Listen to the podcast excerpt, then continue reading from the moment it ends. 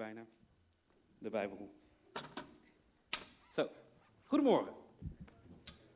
Fijn uh, om elkaar weer te zien vanaf hier. Ik heb een andere soort van uh, kanseltje vanmorgen meegenomen. Dus af en toe ga ik misschien op zitten, of op staan, of op hangen. Multifunctioneel zo'n zo'n laddertje. Daar gaan we het vanmorgen met elkaar over hebben. We zijn bezig in een serie, zoals Matthijs al zei. Een serie om geloofshelden. We hebben vier weken geleden Abraham gehad. Twee weken geleden zijn we bij Isaac geweest. En vanmorgen komen we uit bij Jacob. Um, en alvast een disclaimer: Jacob is best uh, een man over wie veel gezegd wordt in de Bijbel. Ik was bezig met mijn voorbereiding en ik denk dat ik een preek van zo'n 8,5 uur had kunnen schrijven over wie Jacob is, wat Jacob gedaan heeft, uh, waarom die is zoals hij is, althans. Proberen dan te verklaren.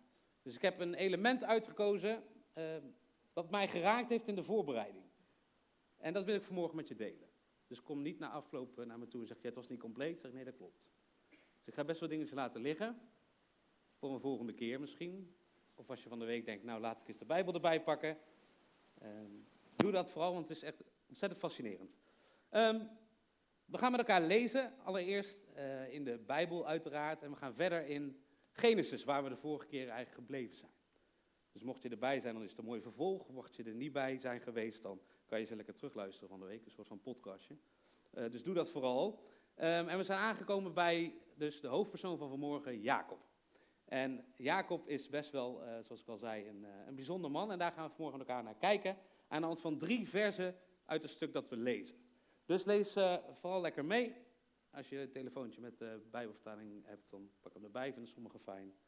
dit komt uit de MBV 21, dus de wat geüpdate versie van een nieuwe Bijbelvertaling. Jacob verliet dus Berseba en ging op weg naar Garan. Op zijn tocht kwam hij bij een plaats waar hij bleef overnachten, omdat de zon al was ondergegaan. Hij pakte een van de stenen die daar lagen, legde die onder zijn hoofd en ging op die plaats liggen slapen. Toen kreeg hij een droom. Hij zag een ladder die op de aarde stond en helemaal tot aan de hemel reikte. En daarlangs zag hij Gods engelen omhoog gaan en afdalen. Ook zag hij de Heer bij zich staan, die zei, ik ben de Heer, de God van je voorvader Abraham en de God van Isaac. Het land waarop je nu ligt te slapen zal ik aan jou en je nakomelingen geven. Je zult zoveel nakomelingen krijgen als er stof op de aarde is. Je gebied zal zich uitbreiden naar het westen en het oosten, naar het noorden en het zuiden. In jou en je nakomelingen zullen alle volken op aarde gezegend worden. Ik zelf sta je terzijde. Ik zal je overal beschermen, waar je ook heen gaat. En ik zal je naar dit land terugbrengen. Ik zal je niet alleen laten tot ik gedaan heb wat ik je heb beloofd. Toen werd Jacob wakker. Dit is zeker, zei hij. Op deze plaats is de Heer aanwezig. Dat besefte ik niet. Eerbied vervulde hem. Wat een ontzagwekkende plaats is dit, zei hij. Dit is niets anders dan het huis van God. Dit moet de poort van de hemel zijn. Ik denk dat je over dit stukje Bijbel, deze Bijbeltekst, over ieder vers apart een preek zou kunnen schrijven. Er staat zoveel in, zoveel wat zegt over wie God is. Ik eh, ga deze drie versen met je bespreken, omdat ik daar, nou ja, ik geloof dat ik daartoe geleid ben door God, dus dat wil ik met je delen vanmorgen. Eerst is vers 10. Jacob verliet dus Berseba en ging op weg naar Garan. Het tweede vers wat vanmorgen centraal staat is, toen kreeg hij een droom. Hij zag een ladder die op de aarde stond en helemaal tot de hemel reikte. En daarlangs zag hij Gods engel omhoog gaan en afdalen. En het laatste vers vanmorgen, toen werd Jacob wakker. Dit is zeker, zei hij, op deze plaats is de Heer aanwezig. Dat besefte ik niet.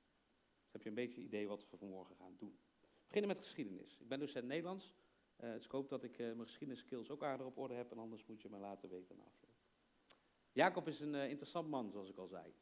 Er staat veel geschreven over Jacob in tegenstelling tot Isaac bijvoorbeeld van de vorige keer. Dat vertelde Hanneke ook. Um, we hebben dus die lijn naar Abraham, die zetten we hier even als opa neer. We hebben dan Isaac als vader en nu komen we bij de zoon aan bij Jacob. En dat zijn aardsvaderen. Um, geloofshelden zetten wij ze neer omdat ze iets bijzonders hebben. Nou, ik ga dat niet nu herhalen van Abraham en Jacob, of Isaac en Jacob gaan we vandaag bekijken. En het begint eigenlijk al heel interessant, het verhaal, hoe Jacob wordt neergezet in de Bijbel. Er staat ook best wat over zijn karakter, over wie hij is. We lezen dat uh, Jacob een rustig man was. Uh, eigenlijk, misschien zou je dat nu kunnen vergelijken met introvert zijn, introvert man. Hij hield ervan om bij de tenten te blijven, om zijn moeder te helpen met het bereiden van maaltijden. Terwijl zijn broer, die ook een redelijk belangrijke rol speelt in het verhaal van Jacob, bekend stond als jager, als de man die ging, die op jacht, avontuur wilde gaan. Isaac was getrouwd met Rebecca. En daar was ook iets bijzonders mee, want Rebecca en Jacob die hadden een behoorlijke klik. Uh, Rebecca had als lievelingetje, lezen we, Jacob, terwijl Isaac als lievelingetje Esau had. Misschien een beetje een moederskindje. We lezen niet zoveel vanuit Jacob terug, hoe Jacob naar zijn moeder keek. Maar als zij de voorkeur gaf om lekker bij de tent te blijven, ja, hij was of lui, of hij hield van zijn moeder meer dan misschien van zijn vader. Um, en er was iets bijzonders. Rebecca kreeg vrij snel aan het begin te horen een soort van belofte vanuit God. Nog voordat Jacob geboren werd, werd bekend, moet ik naar links, naar rechts, achter, hoor ik horen zo, werd bekend dat er iets bijzonders was met Jacob. Dat hij een bijzondere taak zou gaan vervullen.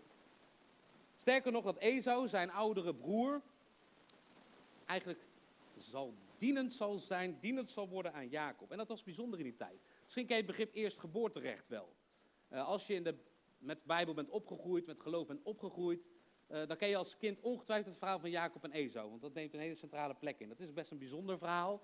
Er gebeurt best veel waarvan je denkt, hoe zit dat nou? Um, en het was in die tijd een voorrecht om als eerst geboren te worden, het eerstgeboorterecht. Het had voordelen en het had ook een stukje te maken met verantwoordelijkheid. Verantwoordelijk zijn, verantwoordelijk worden en verantwoordelijk zijn voor je familie na het overlijden van vader.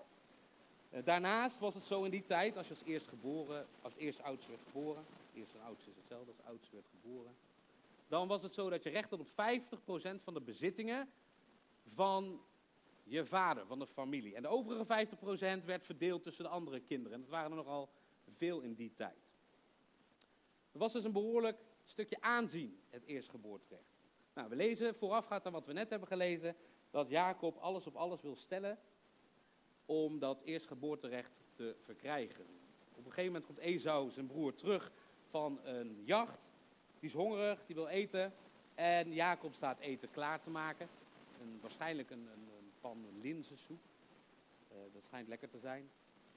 En Esau die had zo'n honger dat hij er alles voor deed om een stuk, een stuk, een bord soep te krijgen.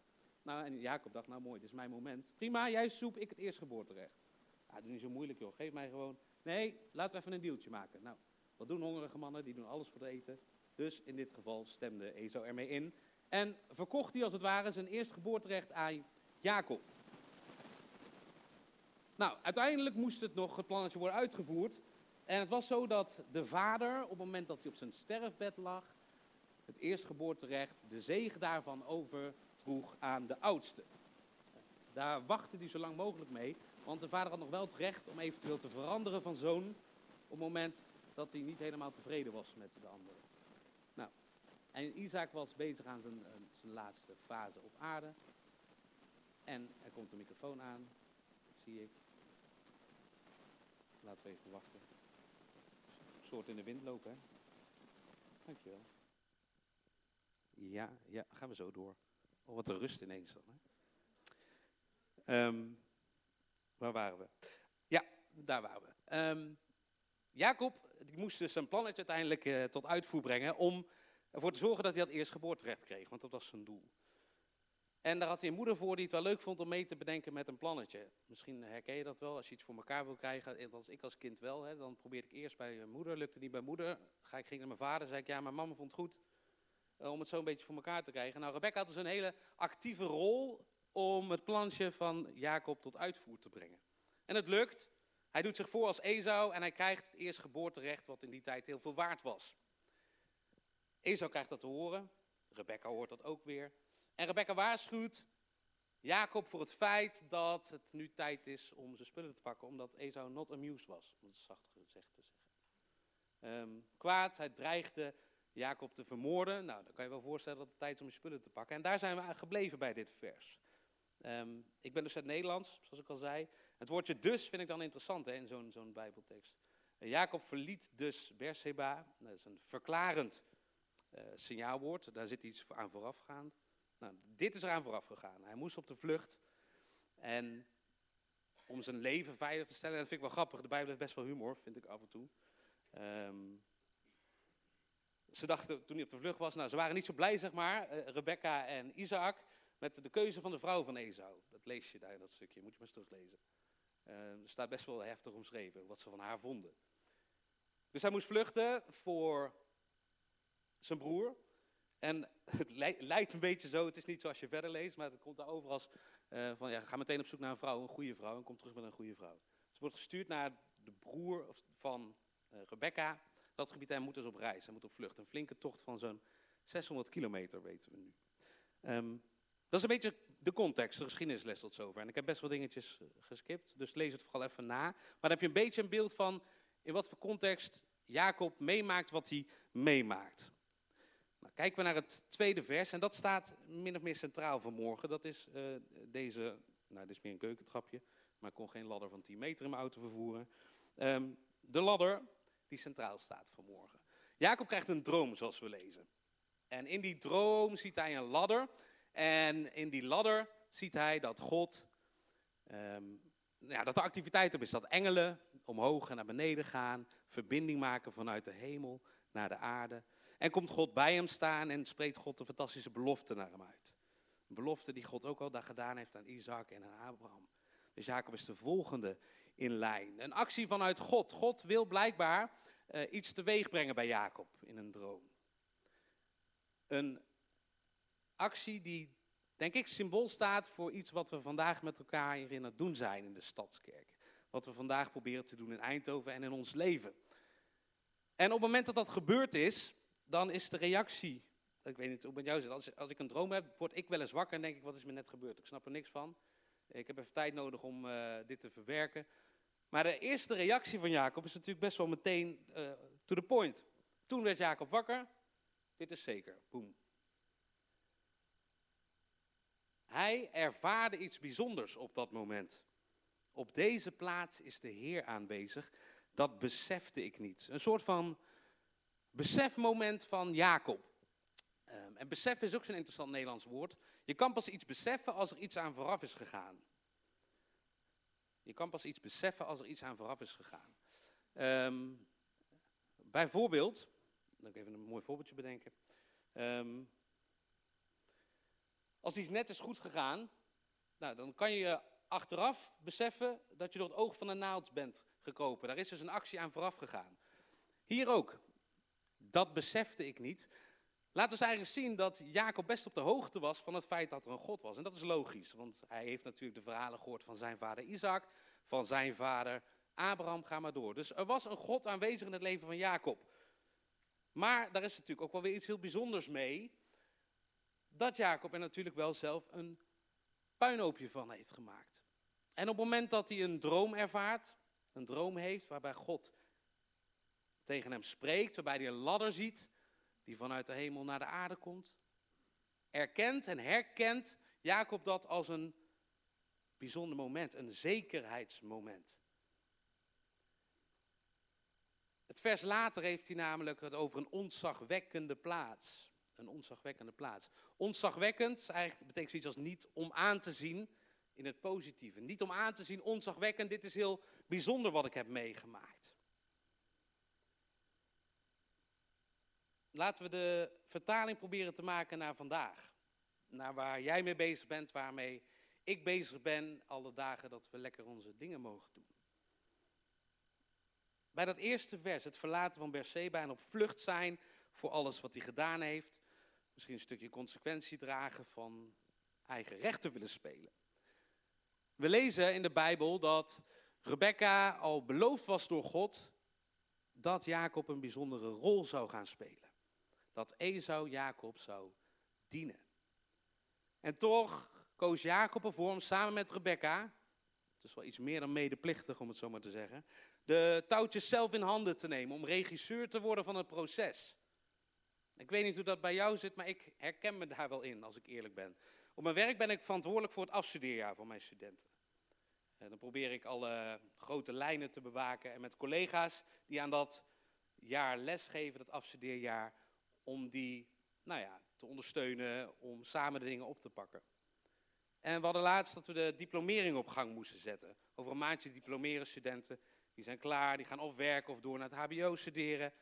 En ik vroeg aan een groepje van drie die zich hadden aangemeld zelf, van goh, hey, zouden jullie uh, de diplomering weer voor je rekening willen nemen? Ja, is goed, dat doen we wel. Wat moeten we dan doen? Nou, je moet regelen voor lokalen, je moet zorgen dat de uitnodigingen er zijn. Uh, hapje, drankje na afloop, versiering, ga maar door. En een week later merkte ik dat ik zelf op zoek was naar versieringen. Dat ik zelf aan het kijken was bij de catering. Goh, hebben zij al gevraagd um, of, uh, of uh, dranken gereserveerd is na afloop? Zijn de lokalen al gereserveerd? Ik merkte dat ik iets wat ik uit handen had gegeven en iets waarvan zij hadden gezegd, komt goed, doen wij, ga jij maar andere dingen doen. Dat ik het toch heel dichtbij me hield, dat ik toch die controle wilde houden, omdat ik dan dacht dat het zou goed komen. Dat ik een soort van zelf de zekerheid had, als ik het doe, dan komt het goed. Voor mij is het echt wel een leerpunt om af en toe die dingen los te laten en te vertrouwen op dat het goed komt. Misschien is het voor jou ook wel zo. Herken je die neiging om controle te houden en vind je het lastig om af en toe te zeggen: Oké, en nu stap ik opzij, geef ik een ander de kans. En mag ik erop vertrouwen dat wat we afspreken, dat dat ook gebeurt? Als je God al kent, misschien al een tijd, misschien net, kan je ook wel de neiging hebben om in die zin ook een beetje voor God te gaan spelen. Dat je op jouw tempo wil dat God de dingen doet. Het is goed is om jezelf af te vragen, herken ik dat? Zie ik dat onderdeeltje van Jacob misschien ook wel een beetje in mijn eigen leven? Nou, toen ik de preek aan het voorbereiden was en ik was aan het over een ladder, moest ik al snel nadenken over een ladder die we allemaal wel kennen.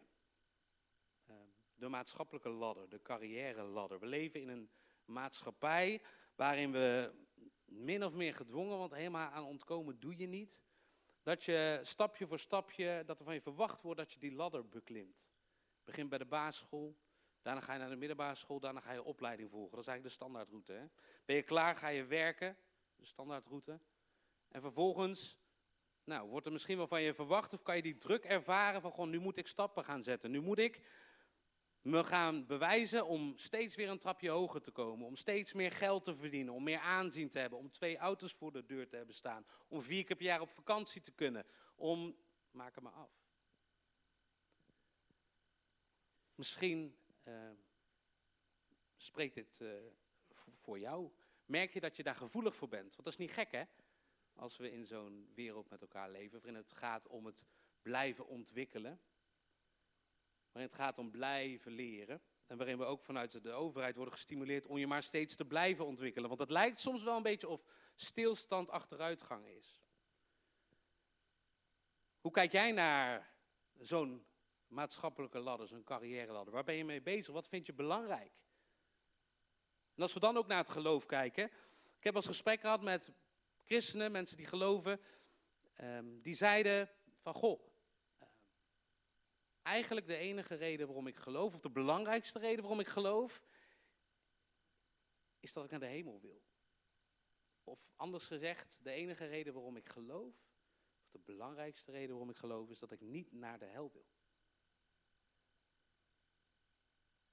En dat vind ik mooi als je naar het verhaal van Jacob kijkt. Jacob ziet die ladder in zijn droom.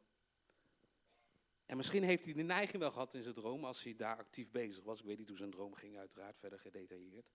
Om als je die ladder ziet om in de hemel te komen, om er zo snel mogelijk op te klimmen en zo snel mogelijk naar het hoogste puntje te willen. Want daar wil je toch zijn bij God, daar wil je in de hemel zijn. Dat is je eindpunt, dat is je doel waarvoor je gaat. Maar we zien en lezen niks over een jacht van Jacob om zo snel mogelijk op die ladder te komen en zo snel mogelijk de top te bereiken. Dan wordt Jacob wakker. Klik. En die zekerheid, dat is zeker. Op deze plaats is de Heer aanwezig. Dat besefte ik niet. Heb jij je ogen open voor die plekken, om die plekken te zien in je leven. Om in de haast van alle dag de aanwezigheid van God hier op aarde te zien. Om je bewust te zijn dat God, zoals Matthijs vanmorgen al zijn inleiding zei, hier aan het werk is, actief vandaag. Lukt het jou om tijd vrij te maken in je hoofd, tijd vrij te maken in je agenda, om God te zien, om God aan het werk te zien?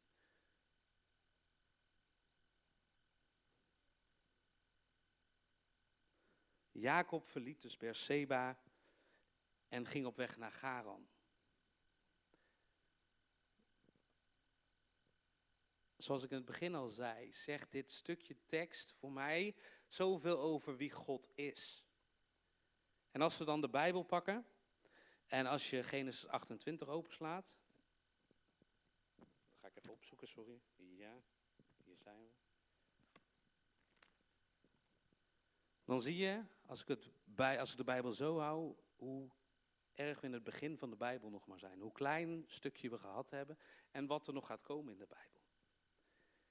En dat er in zo'n stukje tekst in het begin van de Bijbel, in het begin van de mensheid, al zoveel staat over wie God is, dat heeft me geraakt. Want het is eigenlijk, als je nadenkt over het menselijk uh, denken, best wel bijzonder dat God niet zegt, weet je wat Jacob, jij hebt voor eigen rechten gespeeld, jij wil het zelf oplossen, prima, succes met je reis, goede vlucht, uh, ik kijk wel van een afstandje mee. Wat doet God? God kiest ervoor om in actie te komen. God kiest ervoor om bij Jacob, die het eigenlijk best wel verklooid heeft, die voor eigen rechten gespeeld heeft, zijn broer heeft belazerd, zijn vader heeft belazerd. Hij kiest ervoor om in actie te komen. Om te zeggen, hier ben ik. Ik heb een belofte aan jou gedaan. Ik heb een belofte aan je vader gedaan. Ik heb een belofte aan je opa gedaan. En ik doe hem vandaag aan jou opnieuw. Omdat ik je zie. Omdat God geduld heeft met Jacob. En dan is die ladder zo'n mooi symbool. Nou, deze niet per se, maar. Een ladder is een heel mooi symbool en zegt zoveel over God in het begin van de Bijbel al. Dat God ervoor kiest om op zijn initiatief die ladder daar neer te zetten. Om niet hoog in de hemel te blijven kijken hoe Jacob aan het aanmodderen is, wat hij aan het doen is. Van, goh, ik, eh, wacht wel, kijk wel hoe hij eh, het voor elkaar weet te krijgen. Maar dat hij ervoor kiest om verbinding te maken. Dat God ervoor kiest om in een droom aan Jacob te verschijnen en te zeggen: Jacob, ik zie je zitten. Ik zie je staan. Ik wil contact met je. Ik wil dat deze ladder laat zien dat er beweging is tussen hemel en aarde. Dat het niet statisch is van God in de hemel en wij hier op aarde. Maar nee, ik ben in beweging voor jou. Dat lezen we ook. Hè? De engelen zijn in beweging, gaan op en neer, gaan op en neer. En het mooie is, ik liet net zien, hè, begin van de Bijbel. Het is de enige keer in de hele Bijbel dat het woordje ladder voorbij komt. Nergens zie je meer ladder voorbij komen in de Bijbel. Maar ik denk en ik geloof dat die ladder werkelijkheid is geworden door wat Jezus gedaan heeft voor ons. Dat die ladder, die verbinding tussen hemel en aarde, die God laat zien in het verhaal van Jacob, dat die ladder is gebruikt door Jezus toen hij naar beneden ging. Toen hij naar de aarde kwam. Omdat God zag, ja, ik, ik, ik heb het met jullie te doen. Ik wil naar jullie toe. Ik wil met jullie zijn. Ik wil laten zien wie ik ben. Niet alleen maar in een droom, maar ik wil het laten zien in werkelijkheid. Waarop Jezus naar de aarde kwam, 2000 jaar geleden. Om die verbinding, om die ladder tussen hemel en aarde werkelijkheid te maken. En het is een, een, een actievere ladder dan ooit. Vorige week vierden we Pinksteren. Vorige week zijn best wat mensen van jullie, zag ik, op de socials op Pinksterweekend geweest. Opwekking geweest, moet ik zeggen. En daar vieren we met elkaar dat de Heilige Geest gekomen is. Dat er een eeuwigdurende verbinding is tussen hemel en aarde. En ik hoop dat je die verbinding gaat zien. Dat je de momenten herkent waarop God de hemel raakt. Waarop die ladder in werking treedt. Waarop die ladder bij wijze van spreken staat te schudden. Waarom God met de aarde in contact wil zijn. Zoals vanmorgen, wat we zagen bij het opdragen van Joris, waarbij God laat zien, hé, hey, ik ben betrokken bij dit leventje. Ik wil betrokken zijn en wij vragen daarom aan God. Zoals met Pinksteren, misschien heb jij een mooi moment meegemaakt terwijl je daar was dat weekend. Ik wil je meenemen naar Italië, tot slot. Nou, figuurlijk. Ik was een jaar of 16. Ja, mag gewoon mee hoor. Ik ga over zes weken, dan moet je lekker eh, achter me aanrijden. Gezellig. Dan kunnen we heel Jacob behandelen trouwens. Um, ik was een jaar of 16. En we gingen met het gezin naar Italië op vakantie. Een aantal jaren achter elkaar op een vakantiepark. Met huisjes, leuk, heel veel Nederlandse gezinnen. Nou, je kent het wel, lekker zwemmen, sporten, lekker eten, lekker drinken. Feestje, want toen als je 16 was mocht je nog drinken. Goede oude tijd, ook wat oud. En ik was de hele dag lekker bezig, de hele dag lekker aan het werk. Aan het doen. Eigenlijk geen moment rust. Totdat ik dacht op een gegeven moment, ja nu heb ik even behoefte aan rust. Even een stukje lopen. Dus ik ging naar ons huisje en ik haalde mijn iPod op. Voor de ouderen onder ons, je had een Walkman, daarna kreeg je een Discman, daarna kreeg je een MP3-speler. En toen was ongeveer de iPod. En voor de jongeren onder ons, je had een iPhone en daarvoor was de iPod. Dus dan hebben we een beetje een tijdsbeeld van hoe zat het. Nou, ik had een iPod Nano, ik weet niet of mensen de iPod Nano kennen. Dat zo'n zo'n rechthoekig ding, dan heb je zo'n draaischijfje. Kon je dat ding draaien, alle kanten op. Kon je ook sneken. Maar er zat ook muziek op. Niet zo heel veel nummers, zoals tegenwoordig, maar er is geen Spotify en zo, dat kennen we allemaal nog niet. Er zat muziek op. En ik deed de muziek op en ik zette op shuffle. En ik ging lopen. Ja, dat gaat het. Nee, dat is niet. En ik ging lopen. Muziek in. En we zaten op een berg boven het Gardermeer. En er waren zo'n mooie typische bergweggetjes van die mooie haarspelbochten links en rechts, links en rechts. Lekker naar boven, in mijn eentje. Ik had muziek op staan en er begon een nummer te spelen. Open the eyes of my heart, Lord. Van Michael W. Smith. Ik zie sommige mensen knikken. Binnen de christelijke scene een best wel bekend nummer. En ik liep een hoekje om, zo'n mooie haarspelbocht omhoog. En ik werd gevangen door een windvlaag. Nou, eentje, zo'n windvlaag waarvan je denkt, waar kwam die vandaan? Maar ik moest me even opnieuw zetten op de aarde, zeg maar. En de combinatie van het moment, de combinatie van het moment met het nummer, de windvlaag, voelde ik me even zoals Jacob. Dit is zeker, God is hier. En ik keek uit over een Gardameer. Ik keek uit over de bergen, de zon was langzaam aan het ondergaan. En ik voelde een zekerheid, een bepaalde zekerheid van God is hier. En Nee, mensen die me kennen, ik ben niet een heel zweverig type, om het zo maar te zeggen. Het is niet zo dat mijn leven toen veranderde en dat ik terugkwam en het hele dorp gerealiseerd heb. Maar dat moment voelde ik, God is er. En het is geen garantie als je de natuur in gaat met muziek op je oren dat een moment met God is er, er is. Maar je, Misschien moet je wel momenten voor jezelf creëren.